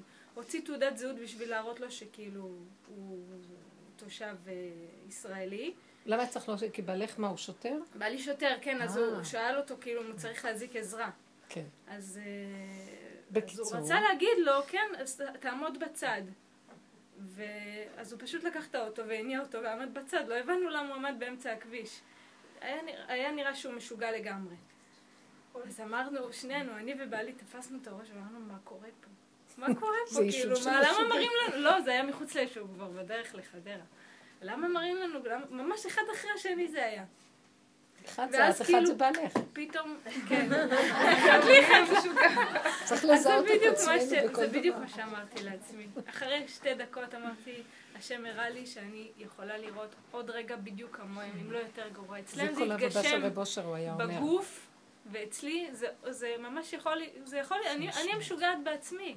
את, רק יכולתי להודות לשם על זה שיש לי דרך, על זה שאני יכולה לדבר אליו, לפתוח את הפה, להתפלל, לבקש רחמים. אני אומרת, אצל האנשים האלו באמת נהיה לי רחמים עליהם שהם מסכנים, לא מצאו את הידיים ואת הרגליים, נש- נשברו להם הכלים. כן. אבל ממש הרגשתי שאני יכולה להיות בדיוק כמוהם, אני לא יותר טובה מהם. ממש הרגשתי את זה. זה, רב אושר היה אומר שכל דבר שאנחנו רואים ונוגע בנו, זה שייך. זה שייך לנו, ומשהו רוצה לאותת לנו על נקודה פנימית שאנחנו לא רואים, והנה הדוגמה החיצונית. פעם בא אליו, והיה לו, לרב אושר עד היום, אה, עמותת חסד מאוד גדולה, שיש גם תלמוד תורה. ובא המנהל של התלמוד תורה לרב אושר ואמר לו, הרב, יש לנו ילד שגונב בתלמוד תורה, והוא גונב, גונב לילדים. אז רב אושר קפץ מהכיסא וצעק, תפס את הראש, אוי ויי, הוא היה ככה צועק. יש לנו ילד בתלמוד תורה שגונב, ואתה המנהל שלו, אז אתה הגנב של הילד שגונב, ואני המנהל שלך, אז אני הגנב של המנהל שהילד, שגונב. שהילד גונב. הוא התחיל לצעוק, אז אני הגנב, כל האחריות על... אני הגנב. אז הוא התחיל לצעוק להשם, לזרוק את ה... כי הוא הציע לזרוק את הילד, אמר, לזרוק את הילד, תזרוק אותי, אני הגנב הראשי. אם יש לי ילד בתלמוד תורה שגונב, זה אני. ואז הוא ישב איתו ואמר לו, אנחנו צריכים לראות את עצמנו, לא את הילדים. אם הילד יוצא ככה, אנחנו צריכים להסתכל, אבל אה, יש לנו נקודה שמראה לנו את המציאות, ובוא נודה בה. אחר כך גם השלב הבא נצחק, כי אנחנו גנבים, כי אנחנו לא יכולים אחרת. זה ירפא את הילד. ברגע שאנחנו שמים את הזה על השני והולכים מזכים משטרות, עניינים, משפילים את הילדים, משפילים את כל אדם, אבל זה המציאות שלנו. ואם אני לוקח את זה להשם, אומר לו, ריבונו שלום, אתה מראה לי רק את המציאות שלי, כי אין בעולם רק אני, והוא רק הסיבה והמקל להראות לי את מציאותי. בתפיסה של העבודה הפנימית הזאת, כל העולם הם רק סיבות ומראות ומקלות להראות לי את מציאותי. אז למה אני הולך לסדר את זה שם? לכסות ולהצדיק את עצמי. לא. לפתוח ולהודות באמת. אבל האמת היא שאני גם תקוע ולא יכול לשנות את הדבר. אז ריבונו של עולם, ואז אני רוצה בזה להגיד נקודה. אתה סובבת את כל זה כדי לעורר לי את נקודת הפגם, כדי שאני אבוא אליך להגיד לך, אם אתה לא מחזיק אותי, אז אני לא יכול לחיות בעולם הזה. הסתרת פניך, הייתי נבהל. זו עבודת משיח בן דוד. לא על החיובי ולא על היכולות ולא על המושלמות הדמיונית, אלא לפרק פירוק אחר פירוק עד שמגיעים ליסוד של הפגם, שאתה בראת אותי ככה. אז מה הטענה הגנב אומר שבראת אותי עם נטייה לגנוב? אז השם אומר לו, הטענה שלי, למה אתה מכסה ולא מודה? ואחרי שהודית, להזדקק לי שאני אשמור עליך, ולא המשטרה תרדוף אחריך, ולא כל מיני דברים אחרים. תודה ותזדקק לי, כי אני בראתי אותך חסר, כל אחד והנקודה שלו, כדי שדרך החיסרון תהיו קשורים איתי. אבל אם אתם חושבים שאתם שלמים ולא זקוקים לי, ואתם מדומיינים על איזה השם שאוהב רק את המושלמים, וכל המסכנים הם לא קיימים, אז בדיוק הפוך. אני עם המסכנים כי הם מודים. אם הם מודים, אם הם לא נשברים בייאוש שלהם מהמסכנות, ואם הם מסכימים להודות שהם פגומים, והם מבקשים ממני את הישועה, כי בשביל זה בראתי אותם. ובזה אני אסיים שאני אגיד עוד נקודה אחת, שישבתי בבן שלי ודיברנו על העניין של החנופה. כי היה איזו תנועה שראיתי שיש לה נקודה ואמרתי לו, אתה רואה, אני רואה אותך עושה ככה ואני מסתכלת על עצמי, ואז יש לנו יסוד הזה של מה זה החנופה, רצון לרצות. אז התחלנו לנתח. מה זה הרצון לרצון? הרצון לקבל אהבה. אני רוצה לעשות משהו, אני מתחנף כי אני אקבל משהו כדי שאני... מה אני, מאחורי הכל מסתתר, כמו שהיא אמרה, הרצון לקבל אהבה? אז למה כל כך החנופה היא נוראית? כי עכשיו אני רוצה, אז אמרתי לו כזה דבר. מה, אחרי כל הנטיות שהשם נתן לנו, עומד יסוד אחד. הקדוש ברוך הוא, שאומר לנו, אני הבסיס שממנו אתם יכולים לקבל את כל השלמויות שבעולם. אתם חסרים, ואתם צריכים לקחת את החיסרון ולבוא אליי שאני אתן לכם את החסר ואספק אותו. מה אתם עושים? אותי עזבו מקור מים חיים, והלכו לחצוב להם בורות נשברים שלא יכילו המים. אין השם, אבל יש בן אדם, אם אני אחייך עליו ייתן לי. ואם אני אעשה ככה מניפולציות, אז אני אוכל להשיג ממנו משהו. ומאחורי הכל יש פחד אימה וחרדה שמא לא יאהבו אותי ואני אהיה ילדה נטושה. כי הפחד הזה הוא גם יסוד שהקדוש ברוך הוא ברא את הבריאה, אז כאילו, כביכול נראה כאילו ניתק את עצמו מאיתנו על מנת לברוא בריאה. כי אם היינו עם השם, האור שלו היה כל הזמן ממוסס את הכל, ולא הייתה בריאה. אז היה צריך איזה מין הפרדה. אבל ההפרדה הזאת זה כדי לצעוק אבא, והוא מתגלה וממלא את החסר. אז למה אתה רץ למישהו אחר שייתן לך, כי אתה מת מפחד, כי הוא ייתן לך את מה שחסר? זה הטענה שלי עליכם. לא על זה שאתם חסרים, כי אתם חסרים. כי בראתי אתכם חסרים. כי זה היסוד של הנברא, ולמה הוא יזדקק לבורא. כי אם אתם כבר בורא לכם את הבריאה לעצמכם, וזה כל הדמיון שלכם, אתם חסרים. וכשדוד המלך הודה שהוא חסר, מיד כל הישועות באו לו. וזו מדרגת הבגרות הכי גדולה להודות שאנחנו חסרים ולא יכולים. והאגו הזה לא ייתן לנו כי הוא מדומיין, הוא מת מפחד כי הוא מדומיין שהוא כאלוקים. ורגע שהוא יודה באמת, כל הדמיון שלו ינמס, ואז לא יהיה לו קיום בעולם, שהוא כולו דמיון אחד גדול. אז שימות אדרבה ואדרבה. בינתיים הוא ממית את כולנו, וכל היום אנחנו מכוסים, כיסוי אחר כיסוי אחר כיסוי אחר כיסוי, מניפולציות, שקרים, ואנחנו במצוקות פנימיים, כי אנחנו יודעים בתוך הנפש שזה הדמיות. כולם יודעים. היסוד של האדם שיודע. ידע אינש בנפשי, האדם יודע את נפשו. אבל הוא לא יודע איך להגדיל, כי מרוב שהבלבולים כבר אנחנו איבדנו את הקשר הזה. וכשהשם עוצר את הבן אדם, אז הבן אדם כאוב, שהפריעו לו מהמהלך. השם אומר, אבל זה אני, אני אוהב אותך, בוא אליי. די, למה אתה הולך שם? אנחנו מפרשים את המפה הפוך על הפוך. וכל העבודה של ההפסקה וכל הצרות והאיסורים שמביאים לנו זה די. ואנחנו לא מבינים, ואנחנו רצים, אז הוא יביא עוד מכה ועוד מכה ועוד, עד שאני אומרת לו, אבא, אתה תעשה שידוכים, לא אני. אני לא יכולה לעמוד בזה. כי אחר מכה, אחר מכה, ביזיונות, חרפות, כאבים, מה לא, ואני רואה את השקרים שלו, אני רואה את ה... לא רוצה להתעסק עם בני אדם, אני לא יכולה כבר לסבול איך שזה נראה. אז פתאום הוא אומר לי, אז למה את לא מרפה ואומרת, תעשה אתה הכל? מה זאת אומרת תעשה אתה הכל? אני אתן לך עצה, כאילו אמרתי לו, אני אומרת לך אלף פעם תעשה את הכל, ואתה עוד פעם משאיר את זה לי. אז פתאום הוא נתן לי איזו עצה פשוטה בטבע. קחי בן אדם שעדיין בתוך השקר הזה, והוא יסדר לה. אל תלכי את לבד לבנק. אני מתה מהבנקים, כל פעם נראה לי שאני הולכת לבנק, אני הולכת לשדוד בנק. אז אני מפחדת ללכת לבנק. למה שהלך לבנק? ואני שומעת בכלל, שאני עומדת ליד הפקיד משטרה, בכלל, יש סירנות, בכלל אני נגמרת. אז החלטתי שאני צריכה לשלוח אנשים שיסדרו לי את הדברים, ולא אני. אתם מבינים? מה אתם צוחקות? אם היינו שמים לב בפנס הפנימית, רק את זה היינו רואים.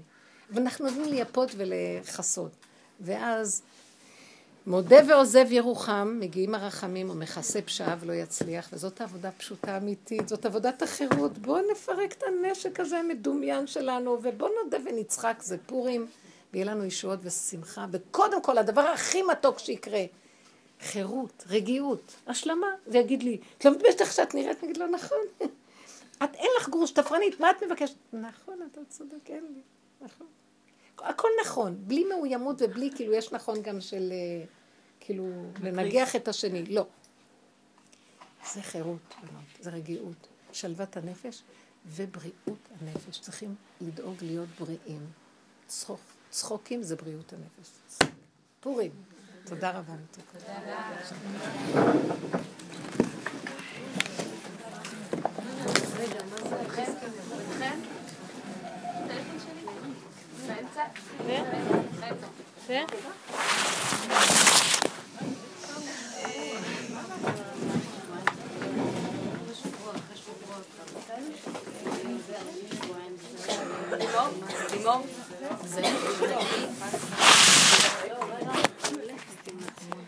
Начнем вот с этого.